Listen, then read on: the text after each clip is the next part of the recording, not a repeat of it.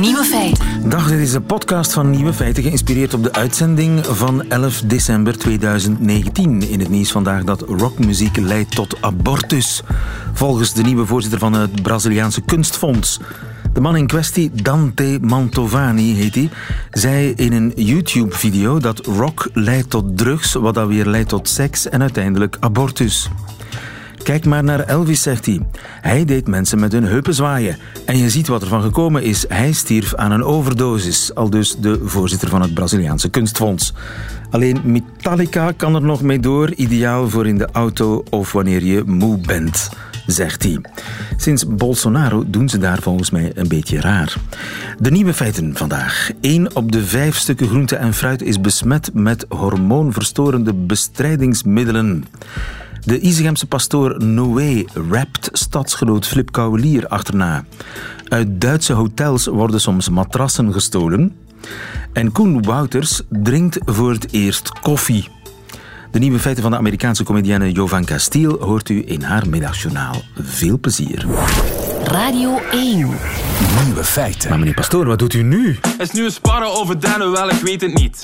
Maar ik weet wel hoe laat het is als je weer ziet. In de livings van de mensen nippen gewoon tapit. Of aan plafond, maar me niet uit, ben je met met dit. Ak ik weer de lichten zien blinken en alles stralen. En ak ik weer de mensen zien shoppen en alles staan. Ik zoek nog cadeaus voor de partner en de kroos. Of gewone wenskaarten voor mijn winterse foto's. Hij is goed. Matthias Noé, priester in Izegem, maar hiphopper in zijn vrije tijd heeft een kerstsingle. Goedemiddag, meneer Pastoor. Goedemiddag. Matthias Noé, waar, eh, ben je, waar is je parochie? Uh, dus inderdaad in Izegem. Dat zijn eigenlijk vijf parochies die samen een nieuwe pastorale eenheid vormen. En jij doet de ochtendmis zondag? Uh, ik doe de zondagochtendmis en ook de zaterdagavondmis. En ook in de weekdag uh, is er de Eucharistieviering. Ja. En sluipt daar al eens een rapje in? Uh, nee, nee. Zeker morgens niet, want dan heb ik de energie daar niet voor. Maar uh, ik probeer in het kerstgebouw altijd uh, rustig te houden. Ja, want je bent een nachtmens, hè? Ik heb jou pas tegen de middag aan de lijn gekregen. Ja, maar dat was omdat ik in de auto zat. Ah, oké. Okay. Maar rappen, is dat iets wat je recent ontdekt hebt? Wel, ik heb dat in mijn jonge jaren nog gedaan, maar gewoon zo met de vrienden in de privékring. Maar dat is niet iets dat ik ooit naar buiten heb gebracht.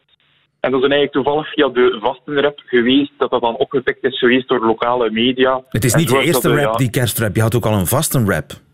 Ja, en ook een Pasenrap en een Pinksterrap. Maar dat waren allemaal vrij amateuristische, korte filmpjes. En nu is het eigenlijk voor het eerst dat echt met een videoclip is en uh, wat meer professionele omkadering. Ja, videoclip op YouTube, alles erop en eraan. Heb je in de pastorie gefilmd en opgenomen? Ook, heb je een home studio uh, in de pastorie? Ah, nee, nee, nee. Dat is eigenlijk een leeg huis dat we mochten gebruiken van iemand van de jongerenwerking. En uh, ook uh, het lied zelf is opgenomen in een studio in Leuven. Dus het is allemaal uh, ja, op de locatie. En het is een kerstsingle met een boodschap. Ja, correct.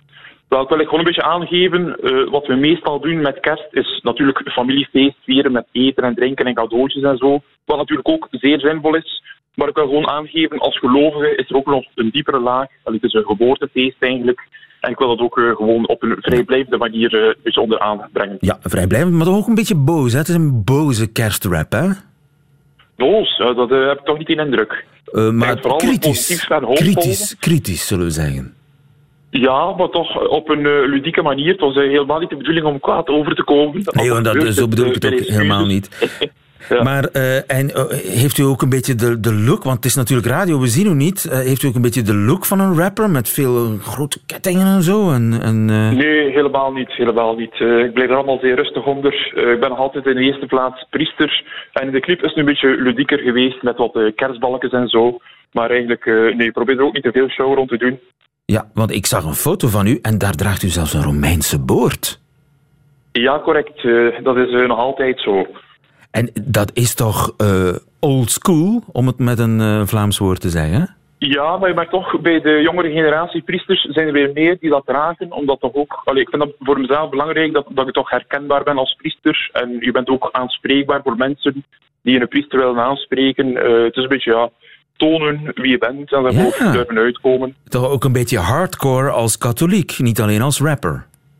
Ja, maar hardcore uh, niet in de, in de ja.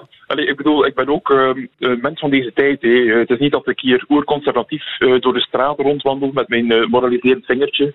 Maar ja. gewoon, allee, als je priester bent, mag je dat gewoon, denk ik. Dus een Romeinse boord en toch een jeans? ja, ja, zeker. Zoiets.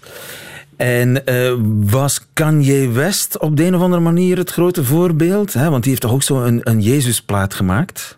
Ja, die heeft ook een bekering meegemaakt, wat zeer mooi is. Maar ik was eigenlijk al bezig voor uh, zijn bekering met uh, mijn amateuristische pogingen. Dus het heeft niks met andere artiesten te maken of zo. Ik ben gewoon al een jaar bezig met een Facebookpagina waar ik filmpjes maak. En die raps zijn een van de reeksen waar ik mee bezig ben. En je hebt nog geen reactie gekregen van Flip Kaulier? nee, nee. Ja, het zijn ook andere mensen die mij nu plotseling de Flip Kaulier doen van de kerk. Maar ik heb er echt niks mee te maken. Ik heb die term nooit geclaimd ben gewoon toevallig nu in Izehem, waar hij ook van afkomstig is. En zo is de link dan gemaakt, denk ik. Ja, maar ik heb niet de ambitie om zijn talent te, te evenaren, hoor. Flip Kaulier heeft misschien nog niet geluisterd. Zou God al geluisterd hebben? Uh, ik vermoed dat God alles wel hoort. Uh, ik hoop dat hij daar tevreden mee is. Hij luistert in elk geval naar Radio 1, naar het schijnt. Dankjewel, priester ja, Matthias Noé. En veel succes met je kerstsingel. Goedemiddag. Ja. Er was een sfeerverlichting, ook een zangverplichting. Een herberg die is dichting, een sterrenwezen richting. En de herders en schapen die kwamen king. Naast de wees die hebben het goed begrip. Dat de wereld dit verandert met kleine kind. En dat geweld en haat nooit met het pleit niet wint. Jaren bestaan we nog, miserie en veel bedrog. Armoede aangepakt, eindeloze oorlog. Volle lucht en opslag, moederen zonder zorg. Maar er is één dag, uiteindelijk wint goede toch.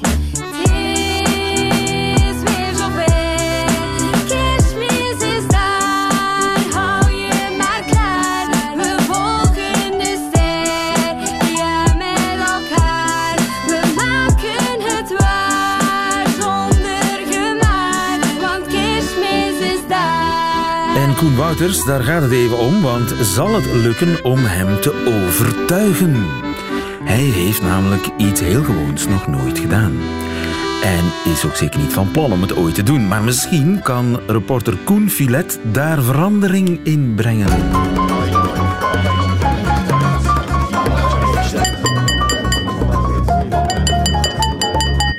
Ik ben Koen Wouters en ik heb nog nooit koffie gedronken.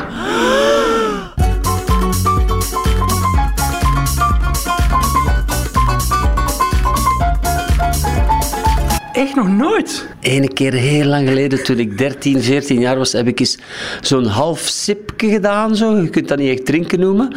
Ik vond op de geur af vond ik het al degoutant en na de sip was ik er helemaal zeker van. Nooit, nooit voor mij. Hoe kan je die smaak nog omschrijven? Nog Asbak. Terug... Asbak? Ja, ja, ik dacht dat afval. Het grappige is dus, Valerie, mijn vrouw, drinkt ook geen koffie. Ah, nee. Dus we hebben gewoon keilang ook geen koffiezetapparaat thuis gehad, waar, waar op een bepaald moment onze beste vrienden met hun eigen koffiezetapparaat ah, ja, zijn Je krijgt dan bezoek. Die, heb, die hebben dat daar gelaten. Zeg, kijk, cadeauke voor jullie, maar eigenlijk voor ons. ik weet niet op welk knopje ik moet duwen. Mhm, mhm. En het enige wat ik dan vraag als er mensen zijn is melk en suiker. Dus want ik heb het wel dus verkeerd begrepen. Met andere woorden, ik moet nu koffie drinken. Ah, ja? Ik dacht gewoon dat ik moest komen zeggen wat ik nog nooit gedaan heb in mijn leven. Maar alleen Ja? Nee. En, ben, je, ah, ja, ah, ben, je, ben, je, bereid om ja, ik... afval, afval te drinken? Nee, ik wil dat zeker doen. Ik ben nu... Kijk, wat staat er? De deca, dat weet ik al niet. Kijk, ik weet al niet het verschil tussen een espresso en een deca. Uh, espresso deca of een gewone koffie. Wel, deca, gedecafeïneerde koffie, dat gaan we schrappen. Dat is flauwekul. Dat is voor losers. Ja, daar is de cafeïne uitgehaald.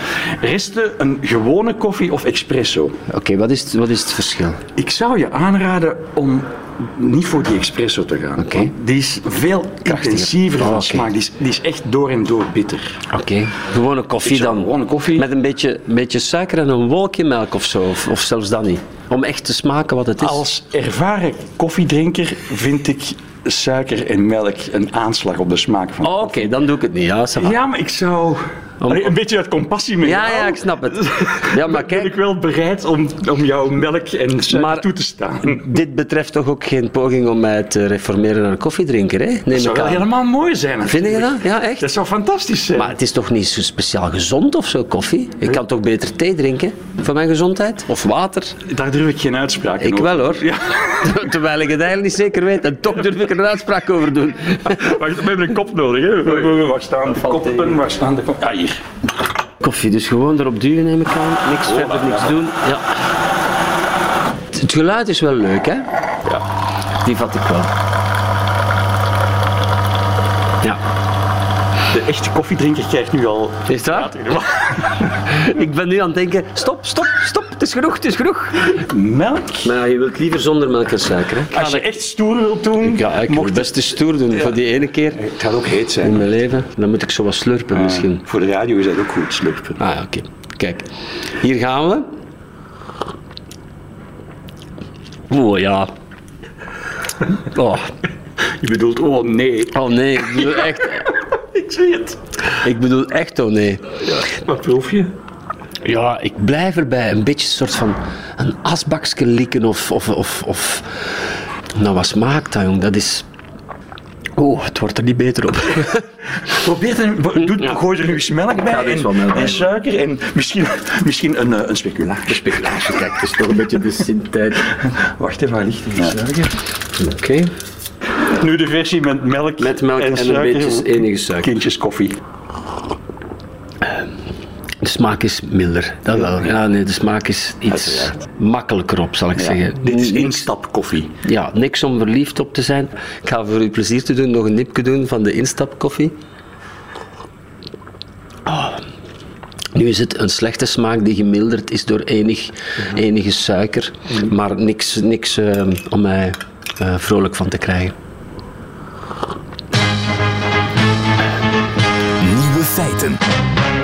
Een appeltje straks misschien als dessert gezond en lekker tenminste, dat hoop ik. Want ongeveer 1 op de 5 is besmet met hormoonverstorende middelen. Hans Muilerman, goedemiddag. Goedemiddag. U bent van Pan Europe, eh, het pesticidenactienetwerk. Het eh, Nederlandse dagblad Trouw pakt uit met verontrustende cijfers over gevaarlijke stoffen op voedsel in winkels. Er zitten resten van hormoonverstorende pesticiden op bijna 1 op de 5 gecontroleerde producten. Dat is veel. Ja, dat is heel veel, want eh, de politiek heeft bepaald dat deze stoffen eigenlijk verboden moeten worden. Dat hebben ze al in 2009 betaald, bepaald. En eh, dat het eh, gevaarlijk is als mensen blootgesteld worden aan deze stoffen. Maar eh, ja, dat is nog steeds niet gebeurd en we vinden ze nog steeds op ons voedsel. En groenten zijn nog erger dan fruit. Ja, in dit geval eh, kruiden is het, eh, zit het meest in, maar daarna groenten en daarna fruit. En kruiden is het ergste. 28% van de kruiden zou besmet zijn. Ja, dat, dat klopt. Eh, blijkbaar is er voor kruiden zijn er eh, eh, weinig bestrijdingsmiddelen. En dan gebruiken de, de, de, de boeren denk ik maar van alles. Het is, het is niet duidelijk waarom of dat eigenlijk het meest is. Ja, dus 1 op 5 ongeveer bij kruiden, 1 op 3. Eh, hoe schadelijk zijn die stoffen? Wat doen die stoffen verkeerd? Die stoffen onder, ontregelen het hormoonstelsel. En dat is eh, heel ernstig, omdat dan het li- lichaam ge, eh, ontregeld kan worden. We weten dat eh, hormoon, eh, zeg maar, synthetische hormonen heel gevaarlijk zijn, omdat zowel borstkanker als prostaatkanker heel erg eh, snel stijgen in de samenleving. En dat kan niet anders dan dat daar hormonen voor verantwoordelijk zijn. Dus waarschijnlijk ook de hormonen die in het voedsel zitten. En eh, kan je die er niet gewoon afwassen? Zit dat op de, op de buitenkant van de, van de appeltjes bijvoorbeeld? Het wassen heeft niet echt veel zin. Schillen heeft wat meer zin. Maar eh, de producten waar ze het meeste op zitten, bijvoorbeeld nectarines en perziken en druiven, die schil je niet, die eet je helemaal. En eh, daar zijn hele grote risico's aan verbonden. Ja. En waar komen die groenten en dat fruit en die zaden en die eh, kruiden, waar komen die vandaan? De, de meeste hormoonverzorgende stoffen zitten op exotische producten, zoals rambutans uit de Dominicaanse Republiek en papaya's. Maar ze zitten ook op de producten die ik net noemde, die komen uit Spanje. De perziken, de nectarines en de druiven. En ze zitten ook op kersen uit onze regionen. Ah, dus niet alleen groenten en fruit dat uit, van buiten de Europese Unie komt, ook groenten en fruit dat binnen de Europese Unie is gekweekt. Dat, dat, dat zit ook fout. Ja, zeker. Uh, ook de producten uit België en Nederland. Het komt ook omdat uh, wij een hele intensieve landbouw hebben in Nederland en België. Wij noemen dat eigenlijk industriële landbouw, waar steeds meer bestrijdingsmiddelen worden gebruikt. En omdat dan de eh, eh, de beestjes die ze willen bestrijden en de, en de onkruiden resistent worden, moeten ze steeds meer gif gebruiken en steeds meer cocktails van gif. Ja. Dus uh, ook producten uit onze streek die zijn absoluut niet veilig. Ja, want uh, Spanje problematisch met 17% vervuilde producten, vooral druiven, nectarines en perziken. Italië 8%, iets beter dus, maar toch ook. En dus zelfs in België en Nederland uh, wordt er niet helemaal ja, zondevrij uh, gekweekt, zeg maar. Is er dan geen controle? Er is wel controle, maar uh, de controle is, uh, loopt nog, de, de regelgeving loopt nog een beetje achter. Er zijn nog zogenaamde toegelaten waarden voor deze stoffen. Eigenlijk zou dat niet moeten, maar uh, de politiek is, is langzaam om, om de regels die er zijn, regels om die stoffen te verbieden, om die werkelijk te effectueren. Dus er zijn nog steeds toegelaten en er zijn nog steeds toegelaten waarden. En daar eh, gaan ze over het algemeen niet overheen. Ja, ja, ja. Dus het is nog een beetje onduidelijk of hier regels geschonden zijn. Officieel zijn de regels niet geschonden, maar de politiek heeft gezegd in 2009: deze stoffen moeten verboden worden. Die zijn echt verschrikkelijk gevaarlijk. Vooral trouwens ook voor, de, voor het ongeboren kind en voor zwangere vrouwen. Maar dan komen we terecht in een soort politiek moeras. Dan gaat de Europese Commissie aan de gang en dan eh, met de lidstaten. En die moeten dan samen dat effectueren. Maar dat doen ze niet. Er zijn ministeries van Landbouw die eigenlijk achteraf zeggen: ja, we gaan ze toch maar niet verbieden. Dus uh, dat duurt eindeloos voordat deze stoffen daadwerkelijk verboden zijn. En wat moet ik intussen doen? Uh, niet, niet eten. Ik zou zeggen, uh, met name zwangere vrouwen en kleine kindertjes gebruik uh, biologische producten, want het is echt een te groot risico op uh, onherstelbare schade. Hans Muilerman van Pan Europe, dankjewel. Goedemiddag. Nieuwe feiten. Zou u eraan denken om een matras te stelen uit een hotel waarin u geslapen heeft? Ik ook niet. En toch zijn er mensen die dat doen. Matthias de Kaluwe, goedemiddag. Goedemiddag. U bent CEO van Horeca Vlaanderen. Een eh, Duitse enquête bij meer dan 1500 hoteliers toont aan dat er al door meer matrassen worden gestolen uit hotels. Verbaast u dat? Ja, ik was uh, met u even verbaasd toen ik dat las. Uh, het is iets wat uh, alleszins onze leden ons nog niet gerapporteerd hebben. En ik heb recent zelf een matras naar mijn zolderkamer moeten brengen voor ons nieuw bed met de hulp van de beddenwinkel. En ik heb gezien hoeveel moeite dat, dat was om ook de oude naar beneden te brengen. Dus ik vraag me echt oprecht af hoe je dat onopgemerkt kunt doen. Ja, ik ook. Heb je enig idee hoe ze dat doen? Matrassen stelen uit hotels? Denk dat we daar misschien de videobeelden in die hotels eens moeten bekijken. Maar volgens het artikel stond daar bijvoorbeeld alleszins in dat ze, wanneer uh, ja, de nachtshift uh, aanwezig is, ze soms ook de lift naar beneden nemen om dan eigenlijk in de ondergrondse garage uh, meteen die matras uh, uh, ja, in de wagen te steken. Uh, maar ik vond het gewoon hallucinant. en met mij, ik heb vanochtend een paar van onze leden gebeld om eens af te toetsen. die waren net zoals ons stom verbaasd. Dus en ook nog niet bij hen voorgevallen Een trouwens. matras is een uitzondering, maar het gebeurt gewoon met de lift naar de ondergrondse parking, inladen en wegwezen. Nu, het is ongelooflijk wat er allemaal gestolen wordt, hè? Ja, ik, eh, ik, ik, was toch verbouwereerd. Uh, het was die bevraging bij tophotels, maar ik las tv's, kunstwerken, uh, koffiezetjes die je in de kamers hebt. ja, dat dat allemaal in de koffer meegenomen wordt, ja, dat is toch wel opmerkelijk. En heel de badkamers worden ontmanteld. Ik heb die vraag meteen aan uh, een van onze uh, twee echte tophotels uh, gesteld in, in Vlaanderen.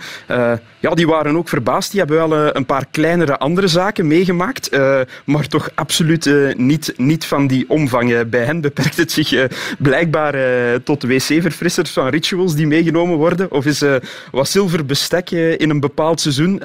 maar dit hadden zij toch ook nog nooit meegemaakt. Ja, wastafels verdwijnen, douches gaan mee de auto in.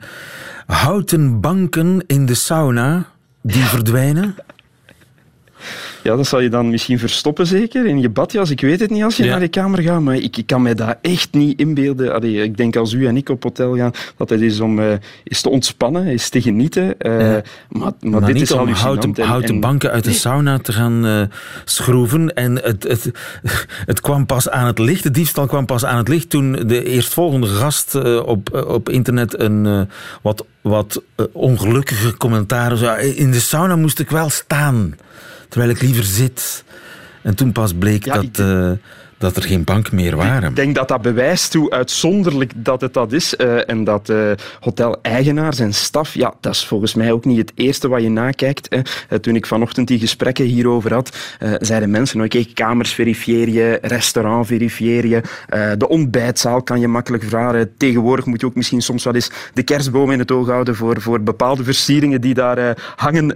maar, maar ja, je gaat niet iedere dag, denk ik, de houten banken van de sauna checken, maar misschien na deze enquête uh, dat mensen dat iets meer gaan doen de komende weken. Uit het onderzoek blijkt ook dat hoe luxueuzer het hotel, hoe meer diefstal. Rijke mensen hebben kennelijk lange vingers. Dat staat inderdaad in dat onderzoek. Uh, ja, bij ons kunnen we daar eigenlijk niks zinnig over zeggen, want er is nog nooit zo'n onderzoek uh, eigenlijk geweest toen ik vanochtend daar navraag over deed. Ook uh, heel lang geleden hebben we zelfs naar de meest uh, gestolen objecten in, in hotels, hè, over het algemeen, over alle ja. hotels heen. maar recent zijn daar geen cijfers in. Maar ja, bon, de enquête is afgenomen bij vier en vijf sterren hotels. ja, hallucinant. Ik kan alleen zeggen, dat, daar zijn geen woorden voor.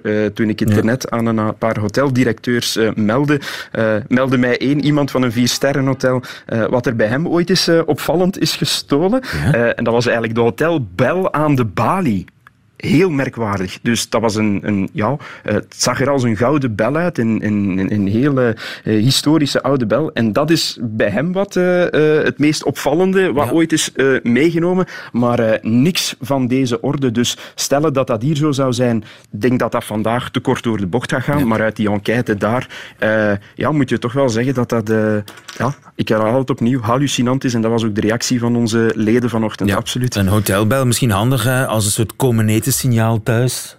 Het kan ja, misschien, zijn. misschien in andere hotels. Bij deze is uw, uw komst ja. misschien wat aankondigen. Bij de volgende vijf sterren of vier sterren hotels, ja. ik weet het niet. Maar het is in ieder geval vreemd. Een, een leek een gouden hotelbel, maar het was uh, uh, geen gouden. Dus, uh, maar de hotelier vond het, en dat vergeten we soms ook wel, ja, voor hem was dat wel een belangrijk stuk. dat gaat niet alleen over waarde, het gaat ook over gevoel. En kijk, je gaat naar een hotel, je wordt daar gastvrij ontvangen. dat is ook de essentie van hospitality. maar ja, dit druist daar toch echt tegenin. En ik denk dat we... het is misschien een beetje naïef, maar toch eens een oproep moeten doen om uh, wat dan ook. Ja, je doet dat gewoon niet. Zelfs dus de slippers en de badjassen en de cosmetica, die laat je gewoon staan. Hè. Uh, de, handdoek, de handdoeken, neem ik aan, verdwijnen heel vaak. Ja, handdoeken, uh, badjassen. Uh, de tophotels uh, waar ik vanochtend mee gesproken heb, die, die bieden het trouwens ook aan. Hè. Je mag die badjas gebruiken in het hotel en wil jij meenemen, dan rekenen zij daar een kost voor aan. Veel mensen zien dat ook soms als een souvenir hè, van waar ze verbleven zijn in dat hotel. Ehm, maar iets wat, wat ook wat naar voren kwam, en was ik eigenlijk toch ook wel een beetje van geschrokken, niet van grote waarde, maar de kussenslopen worden tegenwoordig ook soms meegenomen om de vuile was in te doen. Allee, dat zijn allemaal dingen... Ja, dat is echt vreemd gedrag. Dat ja, is... ja, vreemd gedrag. Ja, absoluut. En, en uh, ik denk dat dat, dat dat niet kan. En ik denk dat we daar bij deze keer al het uh, toch nog eens een oproep over doen. Ook. Het is ja. eigendom van iemand anders. Doe dat gewoon niet. Nee. En kom gewoon genieten. Uh, je wordt daar zeker met de glimlach ontvangen. Ja, heel leuk is ook dat ze naar de... Her... Enfin, leuk, interessant dat ze naar de herkomst van de dieven hebben gekeken. Britten en Duitsers zijn saaie dieven. Die pikken gewoon ja, handdoeken, slippers, badjassen en cosmetica. Oostenrijkers, die gaan voor koffiemachines Amerikanen liever hoofdkussens en batterijen. Italianen gaan voor de wijnglazen. Zwitsers voor de haardroger. Fransen zijn geïnteresseerd in de zappers. En in de tv's zelf, als ze die meekrijgen. Nederlanders zijn praktische dieven. Die willen toiletpapier en lampen, peertjes. Van de Belgen geen spoor in het onderzoek. Wij stelen kennelijk niet. Ja, dat is goed nieuws. Hè. Uh, in, in, in, dat onderzoek. Ik denk dat we eh, niet alleen met de voetbal dan onze Noorderburen kloppen, maar uh, toch ook zeker in dit onderzoek. Uh, toen ik vanochtend, als ik daar nog even aan mag toevoegen, was eigenlijk ook wel iets heel grappig. En een hotelier uit Brugge die eigenlijk de omschakeling heeft gedaan. Bijvoorbeeld Britten, die namen vroeger de washandjes mee, die wij hier kennen. Want in Groot-Brittannië heb je eigenlijk ja, het wasdoekje, hè, wat eigenlijk een, een washandje opengevouwen, maar eigenlijk om, om je gezicht. Ja. En een washandje handje kende zij daartoe niet en dat werd in het begin heel vaak gestolen. En hij heeft dan eigenlijk gewoon de aanpassing gedaan, uh, allee, gestolen of meegenomen, maar ja, dat is eigenlijk ook stelen. Uh, en hij heeft dan eigenlijk de aanpassing gedaan naar ook wasdoekjes in zijn hotel, om daar een beetje op in te spelen. Dus die ontbraken dan misschien een beetje in deze lijst, maar dat is iets praktisch. Uh, maar Britten stelen washandjes. Ja, dat was blijkbaar een zeer gegeerd item in, uh, in Brugge, uh, in zijn hotel. Dus uh, is, wel, is wel... Nee, wij hebben, ik zeg het, nog nooit zo'n onderzoek hier zelf gedaan, maar het is zeker iets wat ik ga meenemen naar onze hotelcommissie. de leden vanochtend zeiden ook, ja, misschien moeten we daar. Hè. we hebben een heel pak vier sterren hotels, vier sterren superior en, en, twee in Vlaanderen. Doen. om eens naar te kijken. Absoluut, en dan komen we heel graag eens bij u terug om eens wat duiding te geven wat onze resultaten hebben opgeleverd van die bevraging. Maar matrassen, dat had toch voorlopig nog niemand gehoord in Vlaanderen. En daar moeten we misschien eigenlijk dankbaar voor zijn, denk ik. Ja, laten we niemand op ideeën brengen. Matthias de Kaluwe van uh, Horeca Vlaanderen, dankjewel. Goedemiddag. Graag gedaan. Dat waren ze, de nieuwe feiten van 11 december. Alleen nog die van Jo van Castiel heeft u te goed. U krijgt ze in haar middagjournaal. Nieuwe feiten. Middagjournaal. Goedemiddag. Ik ben Jovanka en ik ben verslaafd aan make-up kopen op internet. Maar omdat ik mijn probleem erken, heb ik officieel aan mijn man beloofd om een volledig jaar lang geen make-up te bestellen. Dus deed ik nog één laatste bestelling. En dat was het begin van mijn afkikproblemen. Het was een woensdag rond tien uur s'avonds en ik was alleen thuis toen er plots iemand twee keer aan de deur belde. Omdat inbrekers bang zijn van honden, riep ik: Ga weg! Ik heb een grote hond die getraind is om mensen te doden. Toen hoorde ik een zachte stem door de deur die zei: Post NL. Ik opende de deur en ik riep: Post NL om tien uur s'avonds? Waarom? Om drugs te leveren? De man keek bang naar mij. Post NL, herhaalde hij en gaf mij mijn pakje met make-up uit Nederland, keek verbaasd naar de slappende hond op mijn voeten en ging snel weg. De dagen erna kon ik niet stoppen met me slecht te voelen over hoe onbeleefd ik was geweest tegen de Post NL-man. Maar dit was mijn laatste bestelling en nu moest ik een jaar wachten om het goed te maken. Dus besliste ik om nog één keer iets te bestellen, zodat ik me kon excuseren tegen de PostNL meneer. Maar pas op, dit was geen koopverslaving. Het was allemaal voor het goede doel. Toen de PostNL-man een dag later voor de deur stond, zei hij: PostNL. En ik zei: Sorry dat ik zo onbeleefd was vorige keer. Maar ik zag dat hij mij niet goed had begrepen. Dus liep ik achter hem de straat op terwijl hij in zijn busje kroop. Ik klopte op zijn venster. Kunt u mij horen, meneer? Sorry dat ik onbeleefd was. En zonder naar mij om te kijken, reed hij snel weg. Inderdaad, mensen, dit is hoe complex en gevaarlijk een koopverslaving echt kan zijn. Het begint met een kleine online bestelling make-up in Nederland en het eindigt met een Amerikaanse vrouw die in haar pyjama op straat naar de man van PostNL staat te roepen.